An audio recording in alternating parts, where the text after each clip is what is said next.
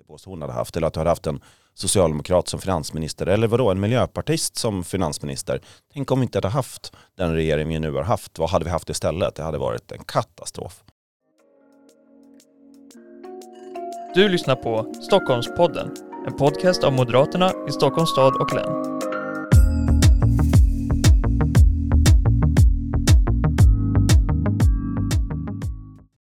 Hej och välkomna tillbaka till ett nytt program av Stockholmpodden. Och idag så gästas vi av någon väldigt speciell person, ingen mindre än Martin Borgs som är biträdande partisekreterare och även ja, kommunikationspartisekreterare kan man säga. Kommunikationschef har det varit tidigare, alltså mitt jobb fast eh, för partiet Riks. Välkommen Martin. Det är så himla kul att vara här Ida, tack. Jätte, jätteroligt att få vara med. Jag känner ju dig väldigt väl och inte minst nu när vi jobbar tillsammans men eh, lyssnarna kanske inte alltid har hela bilden. Du har ju enormt lång erfarenhet från eh, både politik men även andra saker. Kan du inte berätta lite kort om dig själv? Du menar att jag är väldigt gammal? det sa jag inte men det får man, eh, ja, den slutsatsen får man dra helt enkelt att du är mitt i livet någonstans.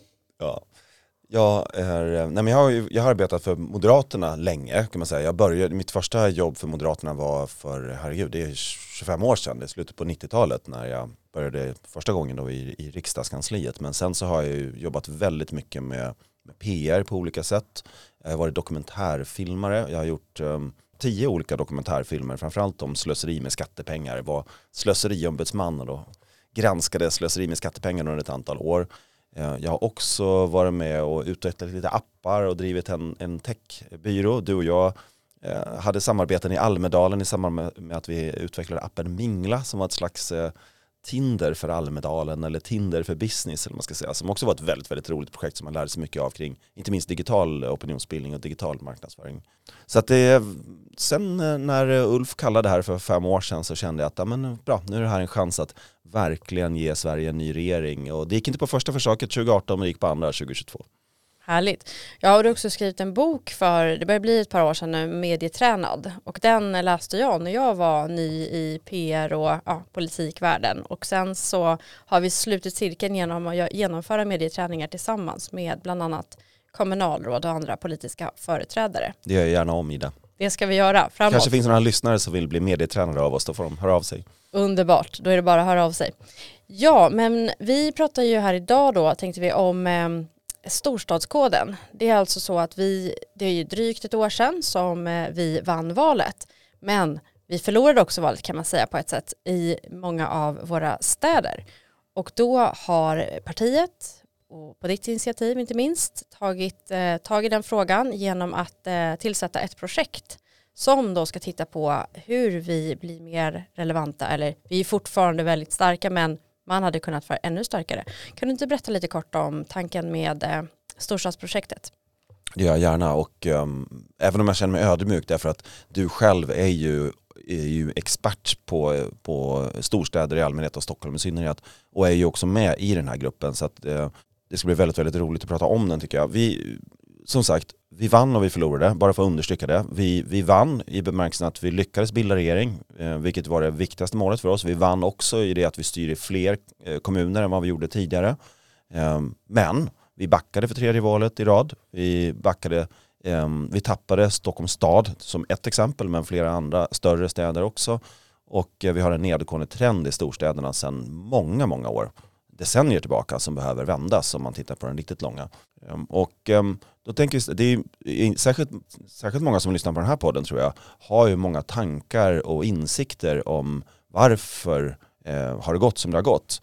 Och det som har varit lyxigt tycker jag i det här projektet är ju att vi har gett det tid att verkligen pröva olika hypoteser vi har mätt mycket, vi har träffat experter, vi har varit på studieresa till Oslo, vi har tittat på andra internationella eh, exempel, mycket mätningar, mycket fokusgrupper och så vidare för att verkligen vrida och vända och komma fram till gemensamma insikter. Ehm, det tycker jag har varit väldigt lyxigt. Vad, vad, tycker du hittills?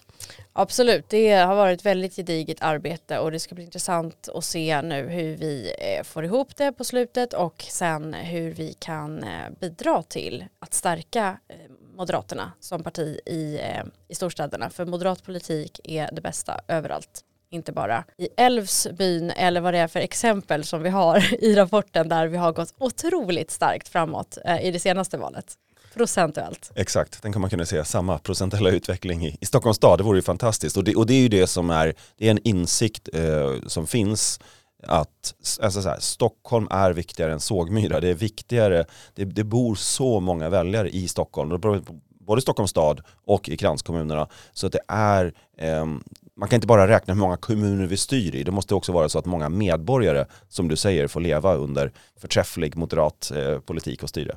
Ja, precis. Och eh, om vi börjar med anledningarna till att vi backade i storstäderna, vad skulle du säga är de viktigaste orsakerna till det? Alltså det, det allra viktigaste skälet till att eh, väljare inte röstade på oss som övervägde att rösta på oss, det är eh, samarbetet med Sverigedemokraterna. Alltså SD-spöket var starkt eh, 2022 och det är fortfarande starkt. Det är fortfarande så att det finns många väljare som håller med oss i sakfrågorna.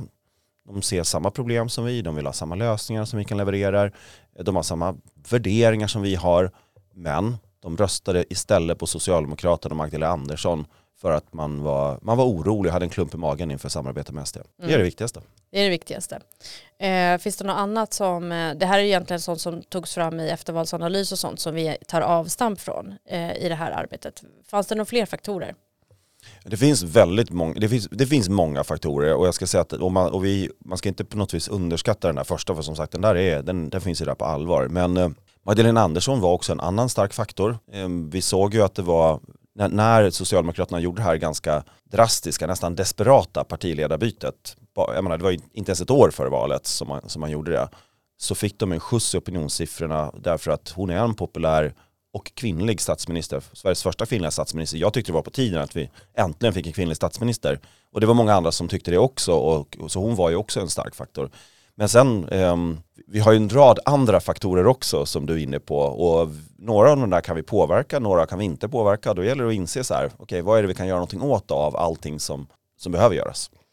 Ja, och de har ju också lagt sig väldigt nära oss politiskt för att så att säga minimera skillnaderna. Sen är ju det så att säga en skimär eftersom när de ska genomföra politik sen då kommer de behöva genomföra politik med samarbeten vänsterut och då blir det inte alls moderat politik. En sak som jag tycker var intressant i de här mätningarna som vi gjorde det var ju när en socialdemokrat beskrev Socialdemokraterna och då sa hon det är vänstersidans Moderaterna. Eller hur, så spännande. För ja det var ju plöts ganska... Plötsligt är vi det nya normala. Ja, och att så här, ja men man får ju allt det här bra i med Moderaterna men eh, de är ju på vänstersidan och ja det är ju liksom sak samma men ändå ändå inte. Det är en avgörande skillnad eftersom när det väl ska genomföras, det ser vi ju nu både i Stockholms stad och i Region Stockholm, när det väl då ska genomföras, då blir det väldigt mycket vänsterpolitik, det blir neddragningar, det blir ja, höjda, skatter. Som in, höjda skatter, budgetar som inte går ihop. Ja, det, listan kan göras lång. Och det är ju precis samma case egentligen, nationellt förstås. Men tack och lov behövde inte det alternativet prövas. Jag verkligen understryker det du säger Ida, för jag tror att det är verkligen så Socialdemokraterna vill framställa sig. För de, de vet ju att höger är det nya normala. Alltså höger är det nya normala för att NATO-medlemskap, eh, kärnkraft, eh, tuffare politik på brottsområdet, stramare migration. Även, de, de pratar även om att de skulle vilja ha sänkta skatter, för vissa i alla fall. Så, att säga. Mm. så, hög, så höger är det normala, då vill ju Socialdemokraterna framställa sig som typ Moderaterna med hjärta. Och det går ju hem, inte minst i storstäderna, att man säger ja man kan få vara moderat fast lite med hjärta och slippa Sverigedemokraterna. Det är ju en, en tacksam pitch både i Enskede och i Vasastan liksom, hos, hos många. Det, spö, det, det där måste vi peta hål på såklart och jag tror att vänsterspöket som du är inne på, det kommer att skrämma många medelklassväljare ju närmare valet vi kommer. Det såg vi 2006-2010 att så fort man började berätta om att ja, men nu ska vi bilda regering med, med Miljöpartiet eller nu ska vi kampanja med Vänsterpartiet, då dök man i opinionsmätningarna inför 2010. Det kommer vi att se till att de gör inför 2026 också. Ja, och det är väldigt intressant det, det du säger om eh, just sakpolitiken. Folk har ju vant sig vid att eh, man får välja och så vidare. Och eh, det ultimata beviset är väl att just Socialdemokraterna också går, eh, presenterar i sin budget 10 miljarder i skattesänkning. Då har man ju verkligen erkänt att det är ju det här som är bra för Sverige och svenska folket Och jag menar inte ett enda jobbskatteavdrag har rullats tillbaka sedan 2006 när de infördes. Så att jag menar det är ju tusentals kronor i månaden i skillnad i skatt. Och det är alltså inte en konflikt som vi har med Socialdemokraterna överhuvudtaget. Utan eh, ja, i alla fall inte på nationell nivå då. Utan det ser lite annorlunda ut. Men jag menar, då får man ju bara se till att det inte blir så att eh, ett vänsteralternativ ska prövas även på riksnivå. För att eh, då blir det inte så som man eh, får att framställa som. Nej, och, och tänk bara tanken Ida. Tänk nu att Morgan Johansson hade varit justitieminister nu. Eller att Annika Strandhäll hade varit, jag vet inte, gud förbjude vilken ministerpost hon hade haft. Eller att du hade haft en socialdemokrat som finansminister. Eller vadå, en miljöpartist som finansminister. Tänk om vi inte hade haft den regering vi nu har haft. Vad hade vi haft istället? Det hade varit en katastrof.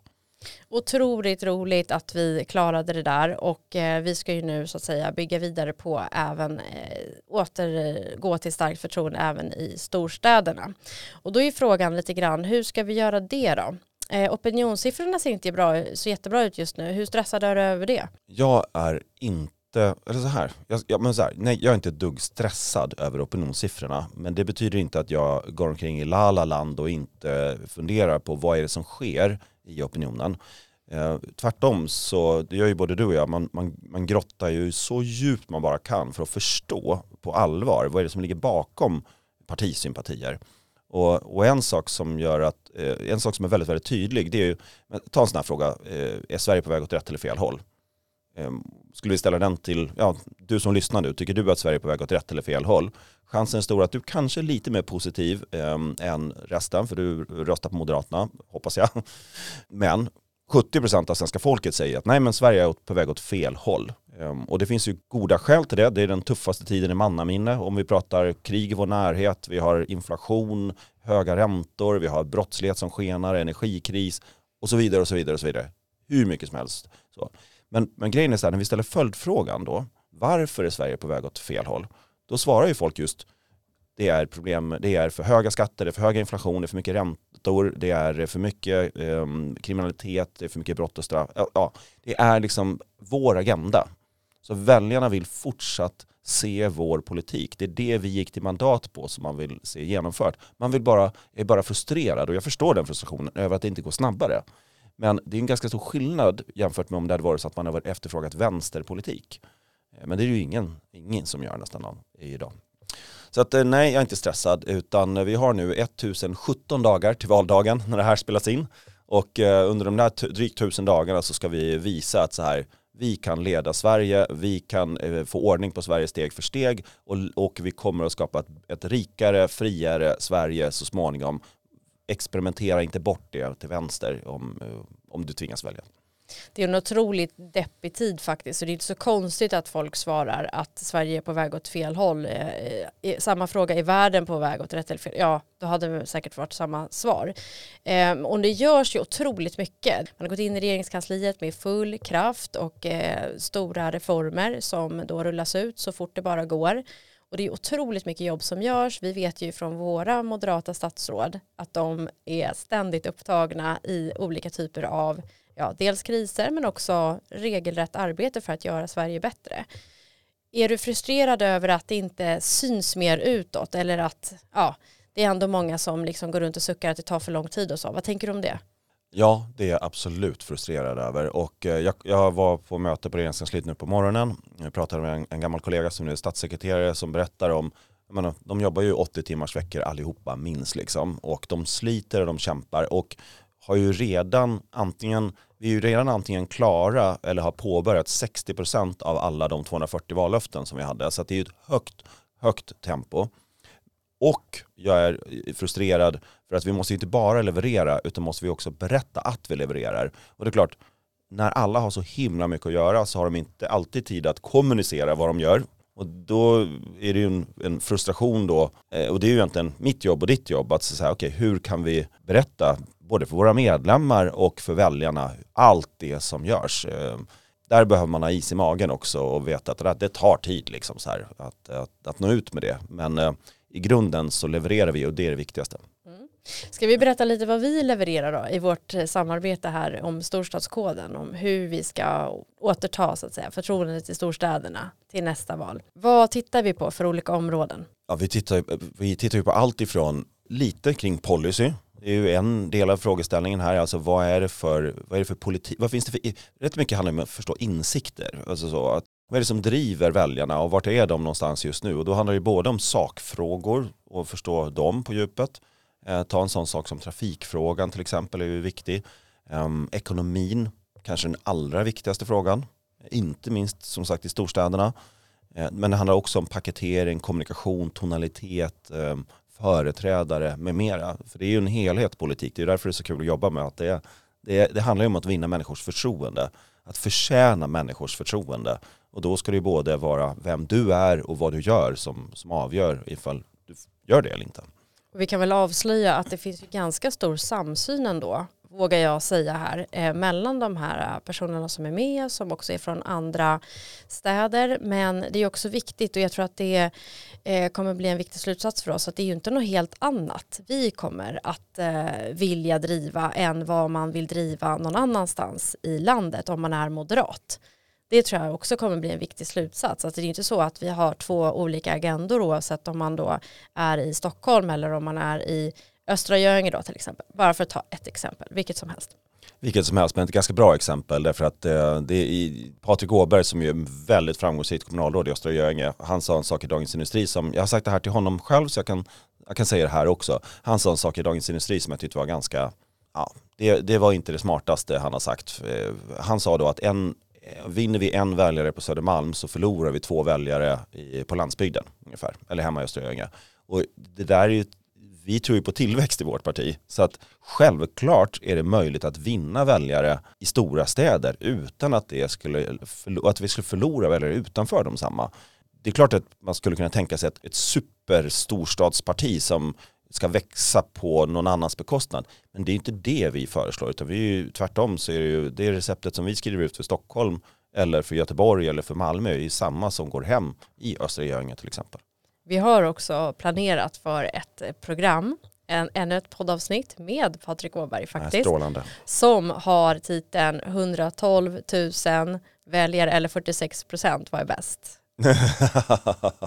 och står de emot varandra? Båda är bäst. Båda är bäst, exakt. Kan vi väl avslöja exakt. redan nu. Exakt. Vad tänker du då om eh, kommunikationen? Jag tror att en del av det som vi kom fram till i eftervalsanalysen var ju också att många som sagt är ju moderater, till och med socialdemokrater då. Men eh, man tycker kanske att vi har haft lite hård tonalitet. Vad säger du om det? Nej, det, så är det. Att alltså, vi upplevs som ett oskönt eller ofräscht parti av, av, inte av alla, absolut inte av alla, men av en grupp som skulle kunna rösta på oss, eh, men som stöts bort av att vi Ehm, uppfattas grabbiga, hårda. Ehm, och ehm, det handlar ju både om fördomar, som det ju finns om alla partier, men också om en hel del saker som faktiskt stämmer. Och, och, när det gäller fördomar så är det ju så orättvist eller rättvist att har du en förutfattad mening om någonting och så ser du en enda grej som bekräftar den fördomen, då kommer den att sluta allt annat. I vårt fall, vi är ett parti för de rika, uppfattar folk. Ja, ser de då att Eh, ser de champagne eller pärlhalsband eller kristallkronor eller annat, ja men då bekräftar ju det den förutfattade mening man har. Och det slår liksom väldigt mycket annat. Eh, så att vi behöver inse att vi är osköna i, att vi faktiskt är osköna emellanåt och att vi uppfattas som osköna och hur gör vi någonting åt det. Sen är det ju så här. Är dina att, tankar om det här? Ja, mina tankar är ju också att det är ju en del osköna grejer att ta tag i i Sverige. Alltså det är ju det är inte så lätt att komma ifrån det. Att om man då ska eh, ha insatser mot gängkriminalitet där barn skjuter barn, eh, där vi har eh, krig i vårt närområde och så vidare. Det är ju inte precis lättsamma frågor som man kan Eh, det blir också oseriöst att kommunicera dem på ett helt och hållet lättsamt sätt som om man är uppe i, i bland molnen. Liksom. Det funkar ju inte heller utan man måste ju så att säga se sanningen här i vitögat och inse att det är enorma samhällsproblem som Sverige behöver hantera. Och det är ju då vi som är satta att hantera det. Det är ju våra eh, företrädare som sitter på statsministerpost eh, i ett läge där eh, stora delar av omvärlden är i krig till och med.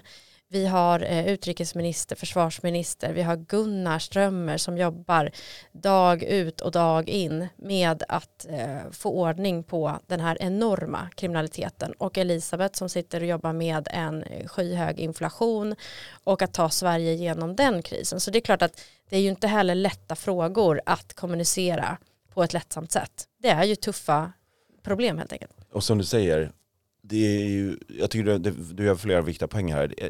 Vi ska inte vara lättsamma. Ehm, däremot så finns det tre, åtminstone tre saker jag tror vi kan skruva på i vår kommunikation, även i de här frågorna. Ett, så eh, att, att vi moderater är ibland lite fokus, vi är lite ingenjörer och vi är lite ibland inriktade på att prata, vi blir lite teknokratiska, pratar om vad vi gör eh, väldigt mycket, men väldigt sällan om varför vi gör det. Det tror jag vi kan bli bättre på, att berätta varför vi gör saker. Jag tror att vi, ehm, en sak som vi ska undvika är att bli förenklade, tillspetsade, utan vi ska prata mer helhet eh, och sammanhang. En annan sån sak. Och så tror jag att vi ska komma ihåg att vi ska prata om människor och inte miljarder. Att vi ska prata om individer och inte stora system, vardagsnära. Och pratar vi så, fast om de här frågorna som ju är de stora samhällsproblemen, det tror jag är ett sätt som vi kan bli ehm, ja, mer framgångsrika i vår kommunikation. Vi drar gärna upp Excel-ark och olika grafer för att visa att vi har rätt. Ja. Det är inte alltid så folk baserar sina val då när man ska gå till, till, till valurnan. Så det, det, där har vi lite att jobba med. Ja, och då uppfattas man ju också kall om man inte berättar varför eller om man inte berättar ur ett vardagsnära mänskligt eh, perspektiv. Så där, där har vi en, en, en absolut en hemläxa att göra.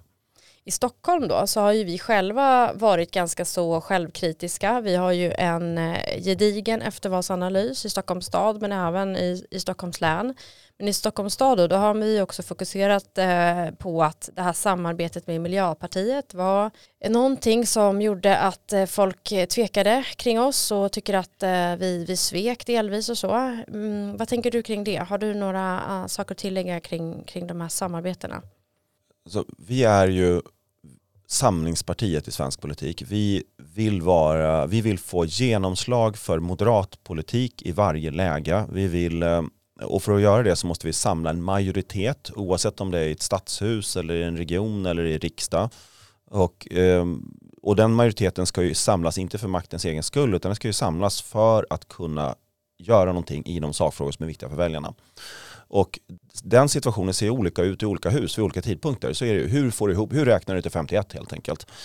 Med det sagt så, så är vissa samarbeten mer kontroversiella än andra. Det finns många moderata väljare som tycker att samarbete med Miljöpartiet är kontroversiellt. Det finns många andra moderata väljare som tycker att samarbete med Sverigedemokraterna är kontroversiellt. Och det finns en tredje grupp väljare som tycker att samarbete med Socialdemokraterna det är det absolut värsta. Det kan vi aldrig göra så att säga. Och vi har ju samarbete med Miljöpartiet emellanåt, vi har samarbete med Sverigedemokraterna nu i riksdagen och på i många kommuner. Och det finns ju också många kommuner där vi regerar tillsammans med eh, Socialdemokraterna. Och ja, de här är kontroversiella på olika sätt. Men vad vi alltid måste komma tillbaka till då är ju, ja men vi gör det här för att medborgarna ska få moderat politik i så hög grad som möjligt. Och, då, eh, och, och berätta då att ja, vi samarbetar med Miljöpartiet, men vi sänkte också skatten. Och vi gjorde inte det här och det här, om det nu går. Men absolut, svaret på din fråga är att det var, en, det var ju kontroversiellt. De där, var det Ulf som var och knackade dörr i, ja, jag tror han knackade dörr någonstans i Stockholm och så den ena dörren han knackade på, då var det någon som sa att nej du, du först får du sluta samarbeta med Miljöpartiet och sen på nästa dörr, ja men först får du sluta samarbeta med Sverigedemokraterna. Och det, det är klart att om det är i samma bostadsområde, det, det illustrerar ju det här vägvalet som ibland kan finnas. Mm.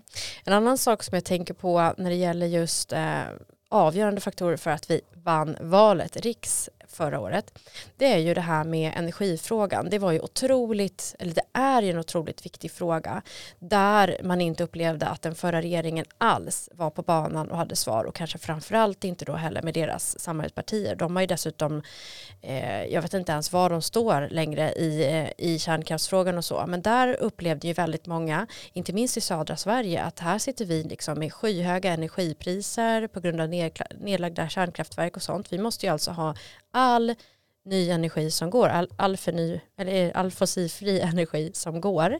Och där upplevde man ju då inte att eh, de andra hade svar. Vi hade ju då ordentliga ambitioner när det gällde det.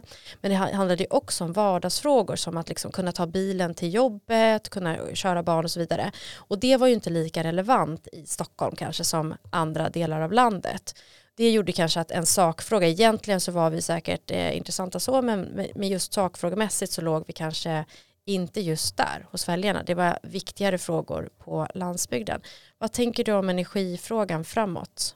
Jag ska komma ihåg en annan tanke också, för du har, du har, en väldigt bra, du har haft en intressant spaning i det som jag tänkte jag skulle fråga dig om. Men, men apropå, om man tar, börjar med energifrågan så vi har ju en, en, klimatomställning som vi behöver göra. Um, det var ganska historiskt tycker jag det som hände här om veckan när Sverigedemokraterna slöt upp bakom den eh, klimatomställningen.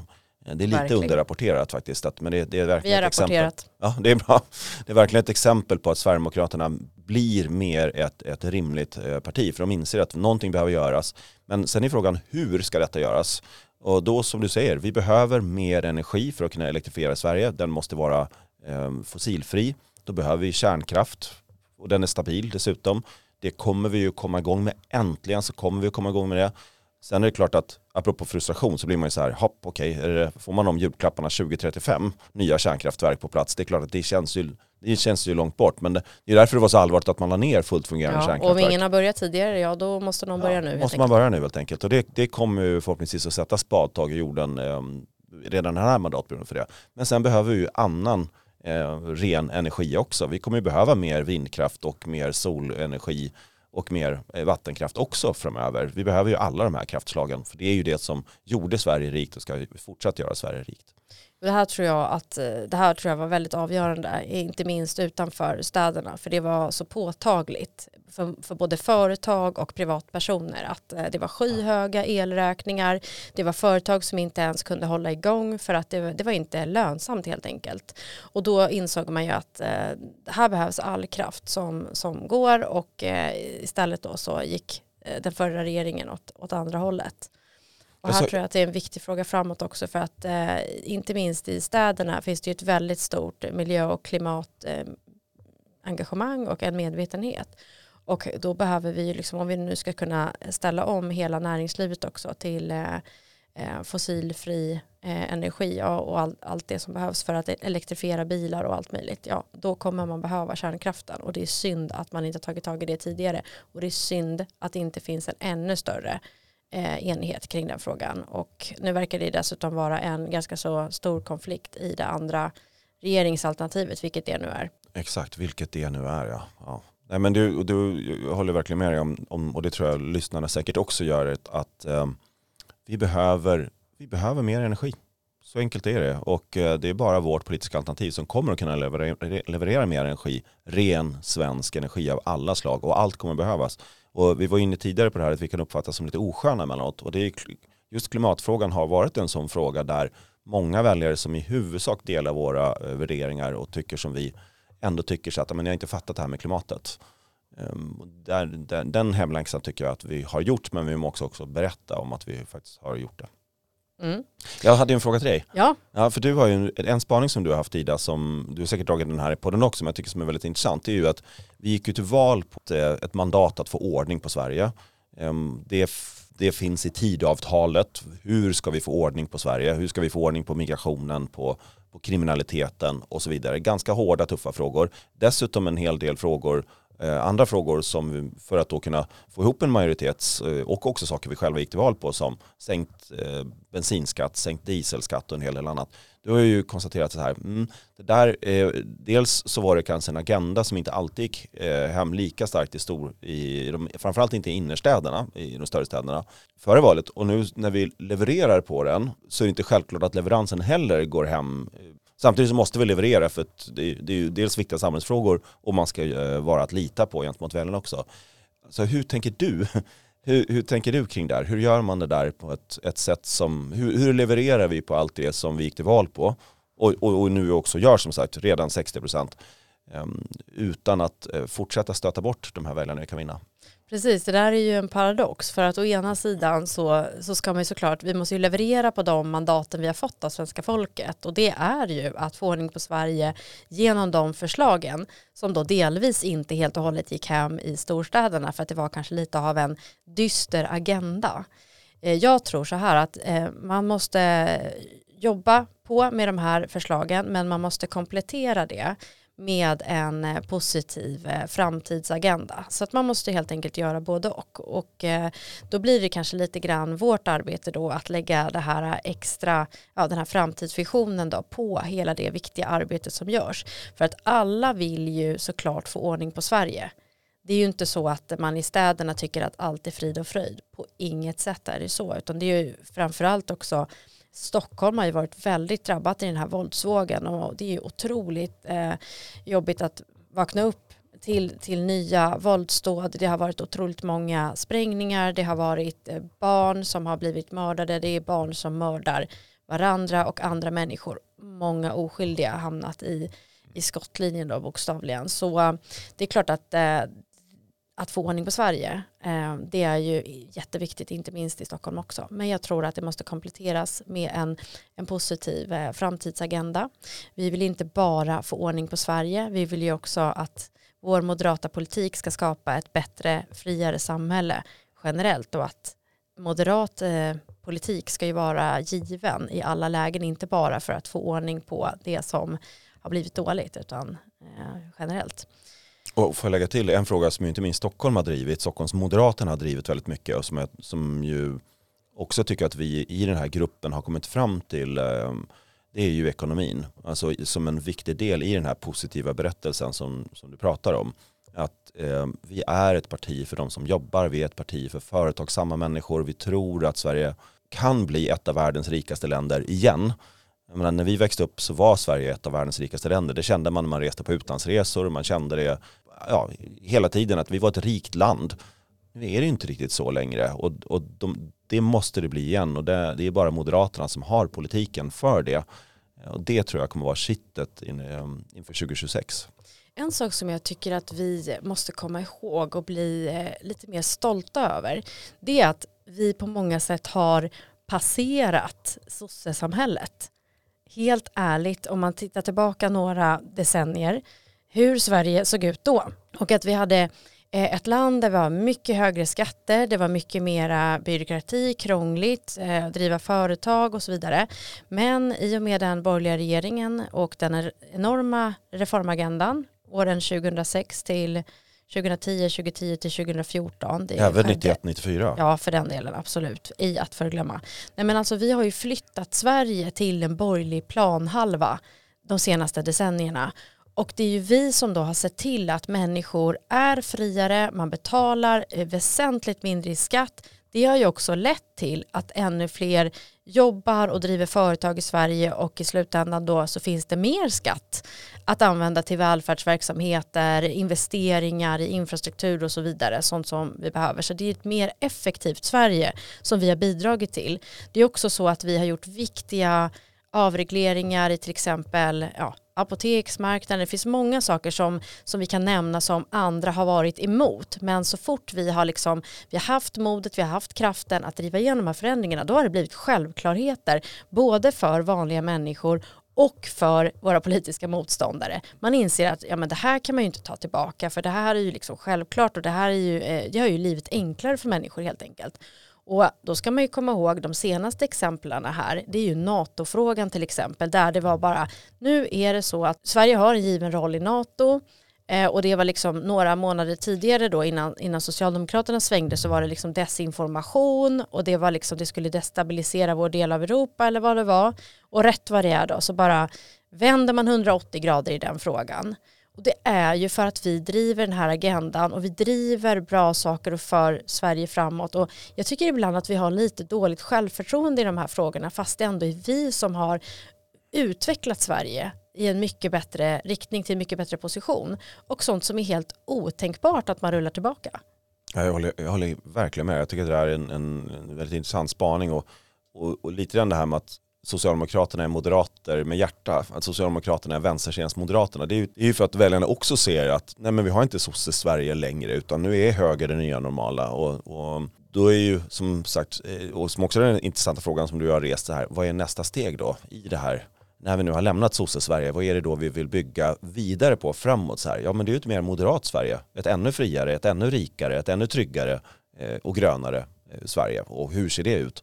Hur ser Stockholm ut som är ännu rikare, ännu friare, ännu roligare och tryggare? Det är ju ett, ehm, som norrmännen säger, ett Stockholm med möjligheter för alla. Eller som det hette i vår förra kampanj, rättigheter, skyldigheter, möjligheter lika för alla. Det finns ju en, en, eh, tycker jag, väldigt stark positiv vision i till exempel vårt idéprogram om frihet och ansvar. Som Ja, och just nu, vad man behöver göra just nu är ju så att, att ta tag i de problemen som finns för att röja dem i vägen. För att eh, pro problemen med kriminalitet är ju inte bara för vanliga människor eller alltså, människor som drabbas av ett sprängdåd i sitt närområde eller som, eh, som är så oroliga att man inte låter barnen åka hem själv från träningen på kvällen eller liknande frihetsinskränkningar. Exakt. Det är klart att vi är ganska långt ner på behovstrappan tyvärr och då är det de här hindren som måste röjas höjas först för att vi ska kunna gå vidare eh, och vara det eh, bra och fria Sverige som vi ändå har skapat förutsättningarna för. Men det handlar ju som sagt om, om kriminaliteten som också kostar enorma summor för företagen eh, och så vidare. Så det, det, det, det, är ett viktigt arbete som görs just nu även om det inte är så himla positivt hela tiden såklart. Det är klart att det inte är positivt när man behöver ta tag i i ungdomsmord eh, ja, så att säga. Det, det, det är någonting som måste bort Eh, från eh, samhällsproblemskartan för att man ska kunna ta tag i andra saker också längre fram.